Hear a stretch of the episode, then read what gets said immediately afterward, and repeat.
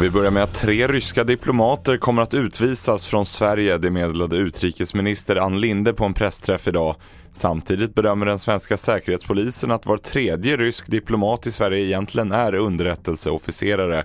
Hur många personer det rör sig om vill inte Säpo avslöja, men enligt utrikesdepartementet befinner sig totalt runt 35 ryska diplomater i Sverige, vilket innebär att det kan handla om ett tiotal.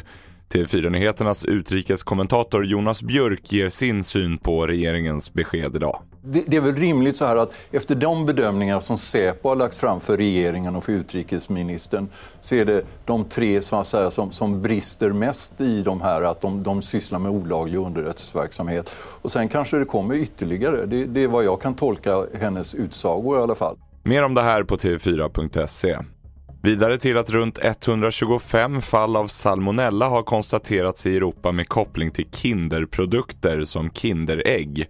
I Sverige har fyra fall av salmonella upptäckts kopplat till produkterna, det meddelar Livsmedelsverket idag. Och de smittade produkterna har kommit från samma fabrik i Belgien. I helgen återkallade Ferrero sina produkter i Storbritannien och Irland och idag har företaget även återkallat fyra produkter i Frankrike. Inget sådant beslut har fattats i Sverige än. Fler nyheter finns på tv4.se. Jag heter William Grönlund.